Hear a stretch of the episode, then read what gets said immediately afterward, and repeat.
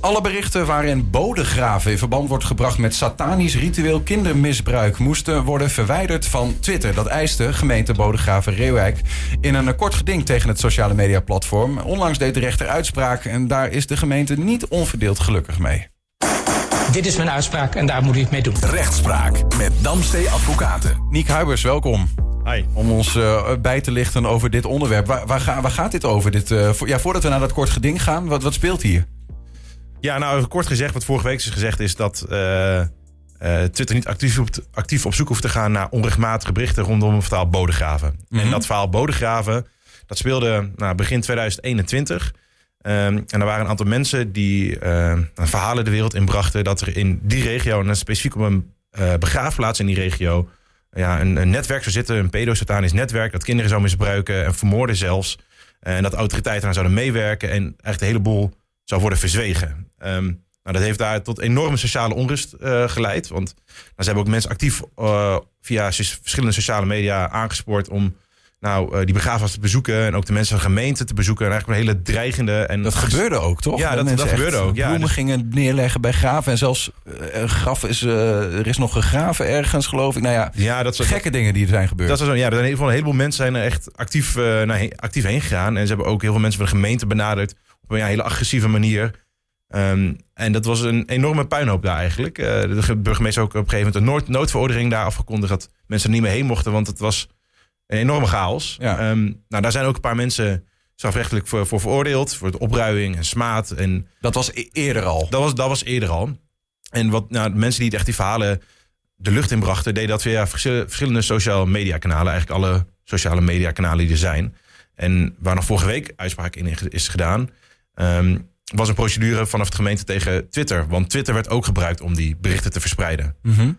um, uh, en uh, voordat uh, de rechtbank daar uitspraak had gedaan, was er al eerder een keer een uitspraak van de rechter geweest die tegen een van die complotdenkers heeft gezegd: je mag niet zulke berichten plaatsen. En dat ging om specifieke berichten waarin de namen van mensen werden genoemd die bij betrokken waren, of dat ze mensen naar de begraafplaats moesten komen. En dat mag dan niet omdat. Want stel, stel even, hè, stel dat iets een waarheid is, mm -hmm. wat, je, wat je plaatst op Twitter, dan neem ik aan dat dat gewoon mag. Maar in dit geval is daar geen uh, fundament voor of zo, en dan, dan mag dat niet. Of, Nee, nou, er was dus al een strafrechtelijk onderzoek geweest. En ja. daaruit was eigenlijk bleek dat er geen enkele aanwijzing was dat er dergelijke rituelen zouden of hadden plaatsgevonden. Ja, ja. Um, dus uh, als je dan zulke berichten, en zeker op de, de manier waar ze naar buiten hebben gebracht, een hele agressieve manier eigenlijk, uh, zulke erge dingen ook naar buiten brengt, die zulke enorme gevolgen hebben, en je hebt er geen bewijs voor of enige manier waar het uit zou kunnen blijken, mm -hmm. ja, dan zegt de rechter, ja, dat is onrechtmatig. Ja. Er is vrijheid als meningsuiting, je mag heel veel zeggen, maar goed, als je zulke ernstige dingen zegt,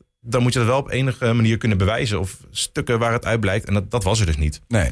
Um, nu, nu is er een nieuw kort geding. Wat is er gebeurd dat er um, uh, tussen die tijd... want de rechter heeft zich al uitgelaten uh, naar die groep mensen... van uh, je mag dat niet doen. Mm -hmm. Ik geloof zelfs dat ze daar een boete van ruim twee ton voor hebben gehad... die ze moesten betalen. Nou ja, dat zijn dan mijn woorden. Maar Mhm, dat ja. um, en blijkbaar was voor Bodegraven de kous nog niet af. Nee, klopt. Want we hebben een, uh, die personen zijn veroordeeld om de berichten van al die sociale media weg te halen. Dus ook Twitter. En dat hebben ze eerst niet gedaan. Um, en toen heeft de gemeente tegen Twitter gezegd: jullie moeten dat gaan verwijderen. Nou, dat ging allemaal wat moeizaam of niet snel genoeg volgens de, volgens de gemeente. Uh, en zijn daarom een kort geding aangespannen. En hebben daarin verzocht om een aantal berichten van die personen te verwijderen. En berichten die erop lijken. En berichten die identiek zijn, allemaal te verwijderen. Mm -hmm. En daar heeft Twitter van gezegd. Nou goed, berichten die onregelmatig zijn, dus de specifieke berichten van een persoon, die zijn ondertussen allemaal verwijderd. Dus dat, dat account was gewoon geblokkeerd en verwijderd. Ja. Uh, maar de gemeente zegt, nou, jullie moeten nog een stap verder gaan. Jullie moeten zelf ook actief op zoek gaan naar, naar die onregelmatige berichten. Dus jullie moeten zelf op zoek gaan naar tweets of retweets waarin ja, die onregelmatige, onregelmatige berichten staan. Mm -hmm. En daarvan zegt de rechter, nou, zover gaat de taak van Twitter niet. Twitter moet onregelmatige berichten wel verwijderen, maar het is niet de bedoeling dat zij zelf op zoek gaan naar die berichten. Ja, ja, oké. Okay. Dus ik begrijp dat er een aantal mensen zijn geweest die op Twitter uh, dit soort nou, uh, opruimende uitlatingen hebben gedaan. Ja. Die accounts of een aantal accounts is al verwijderd. De daarmee gepaarde berichten zijn ook verwijderd. Maar Bodegraaf zegt ook, ja, wie weet wat er nog komt. Uh, we willen dat er actief wordt gemonitord en wordt gehandeld op basis van die filter van eh, wat er nog gaat komen, zeg maar. En daarvan zegt de rechter, nou ja, dat gaat te ver. Ja, dat klopt. Dat, wat de gemeente eigenlijk zegt, ja, misschien kan een soort van algoritme worden ontwikkeld die die berichten eruit, eruit vist. Ja, en de rechtbank zegt van ja, dat is, dat is niet de bedoeling. eh, dat zo'n filter komt. Want daarmee worden ook een heleboel rechtmatige tweets kunnen worden verwijderd. Want het is natuurlijk best lastig. Het is ongetwijfeld mogelijk, maar het is best lastig om zo'n filter te maken. Want ja, wa- wat zet je erin? Een aantal, aantal woorden en kernwoorden. Maar goed, dat kunnen natuurlijk ook hele neutrale berichten zijn die gewoon willen informeren over het onderwerp. En die zijn niet per se onrechtmatig. Dus dat is het risico als je loopt als je zo'n filter eh, implementeert. Nou ja, klopt. Maar je, je hebt natuurlijk een soort van tussenstap. Die, veel, die, die berichten die je dan filtert, kunnen meteen eh, verwijderd worden, bij wijze van. dat, dat zou eng zijn, denk ik. Want ja, dan eh, kaap je gewoon een heel groot deel van, van dit hele onderwerp.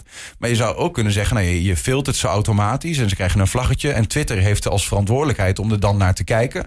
En te kijken, is dit nou rechtmatig of niet? Ja, Een soort van precies. tussenvorm. Ja, precies. En daarvan heeft de rechter gezegd, van, dat is niet de bedoeling. Het is niet de bedoeling dat Twitter nog autonoom zelf gaat bepalen of die berichten onrechtmatig zijn of niet. Ehm, en de manier hoe het dan wel kan, want het is natuurlijk wel, als er onrechtmatige berichten zijn, is niet altijd de bedoeling dat je gaat afwachten op een vonnis van de rechter. Ehm, En mensen kunnen ook zelf door middel van het notes- en takedown systeem bepaalde tweets aanvinken van deze, hier iets mis mee. Kijk. Rapporteert. Ja, precies. En dan kan Twitter er wel naar gaan kijken. Dus op zo'n manier kunnen bepaalde tweets wel worden verwijderd. En dat doen ze ook. Ja. Ehm, en de rechter heeft gezegd, nou dat is voor nu, want het was een, het was een kort geding. Voor nu is dat een prima oplossing. Eh heeft wel tegen Twitter gezegd, nou als er dan zulke berichten worden geflekt, ja, jullie moeten er wel echt iets mee gaan doen. Omdat jullie echt bekend zijn met het hele, het hele verhaal. Ja. En het complot is niet dat opeens dit uit de lucht komt vallen nu. Nee, ze moeten wel snel handelen als er iets wordt gerapporteerd. Ja, precies. Ja.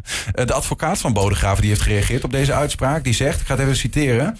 De rechter gaat kennelijk voorbij aan het feit dat Twitter wel degelijk actief tweets moet opsporen. Je kunt niet van burgers verwachten dat ze met alle smadelijke tweets naar Twitter stappen. Dus oftewel eh, rapporteren. Ja. Dit soort platforms kunnen geen vrijplaatsen zijn.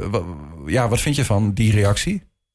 Nou, ik, ik snap de advocaat van de gemeente wel. Want eh, ja, de gemeente, hun doel is natuurlijk om zoveel mogelijk onrechtmatige tweets te verwijderen. Want hun hele gemeente lag onder vuur. Op eigenlijk elk sociaal medium. Ehm, ja, en daar wil je actief iets tegen doen. Dus dan wil je eigenlijk liefst zo ver mogelijke eh, maatregelen hebben. Ehm, Ja, maar goed, als je, als je gewoon juridisch... Want de, de, de, de vraag die hieronder ligt volgens mij is ook heel erg van... bij wie ligt nou de verantwoordelijkheid voor dit soort uitingen op internet? Is Ja. dat het platform, in dit geval Twitter... of is dat eh, de gebruiker, degene die post... of degene die het ziet en er wel of niet iets mee doet? Ja, wat zegt die jurisdictie daar überhaupt over? Nou, da- da- da- daar is een wetsartikel voor. En dat, dat zegt eigenlijk, in het geval als je een soort een hostingpartij bent, wat Twitter is die zet eh, informatie eh, online en maakt het beschikbaar. Eh, je bent pas aansprakelijk, of je bent niet aansprakelijk als je niet weet dat de berichten er zijn. En ook niet als je weet dat de berichten zijn en daarna juist handelt door ze te verwijderen of te blokkeren. Ja, ja. En zeker met Twitter kan ik ook goed voorstellen. Natuurlijk zo'n enorm platform, er komen zoveel berichten bij. Ja, daar kun je ook niet van verwachten dat ze elk bericht eruit vissen. Dat is, dat is, gewoon niet, dat is ook gewoon niet te doen. ja. Ehm, en door middel van een notes- en takedown systeem wordt er wel een stukje verantwoordelijkheid naar hem toegele- toegelegd. Want op dat moment, als iets wordt genoticed of ge- wordt geflagged, dan weten zij dus ervan. Dus dan moet je er wel iets mee doen. Als ze dan erop laten staan, ja, dan kom je in een heel ander traject. ja. Dus er zijn wel manieren om Twitter daar eh, actief eh, bij te betrekken. Ja, het is wel interessant natuurlijk, hè? want wat, ja, dit soort techgiganten zijn ook zo slim dat je zou kunnen zeggen: ja, je kunt er alles aan doen om zoveel mogelijk geautomatiseerd te filteren wat je dan kan. Maar die Ja. verantwoordelijkheid zegt de rechter dus, eh, die kant moeten we niet op. Waarschijnlijk omdat de vrijheid van meningsuiting dan in, in nog meer gevaar komt. Ja, dat wordt heel lastig. Want alles, als alles gefilterd wordt, ja, dan gaat eigenlijk Twitter bepalen wat onrechtmatig is. En ze hebben natuurlijk hun eigen regels. Ja. Maar eh, de rechtbank wilde niet eh, hun die verplichting opleggen. Ja, ik ben ondertussen ook aan het nadenken wat er zou gebeuren als onze vriend eh, Elon Musk aan het roer komt bij Twitter. wat, dit soort, wa- wat hij gaat doen met dit soort vragen. Van Kan maar zomaar iets anders gaan worden. Ja, nou, dat gaan we zien. Eh Niek Huibers, dankjewel voor je, voor je uitleg. Graag gedaan.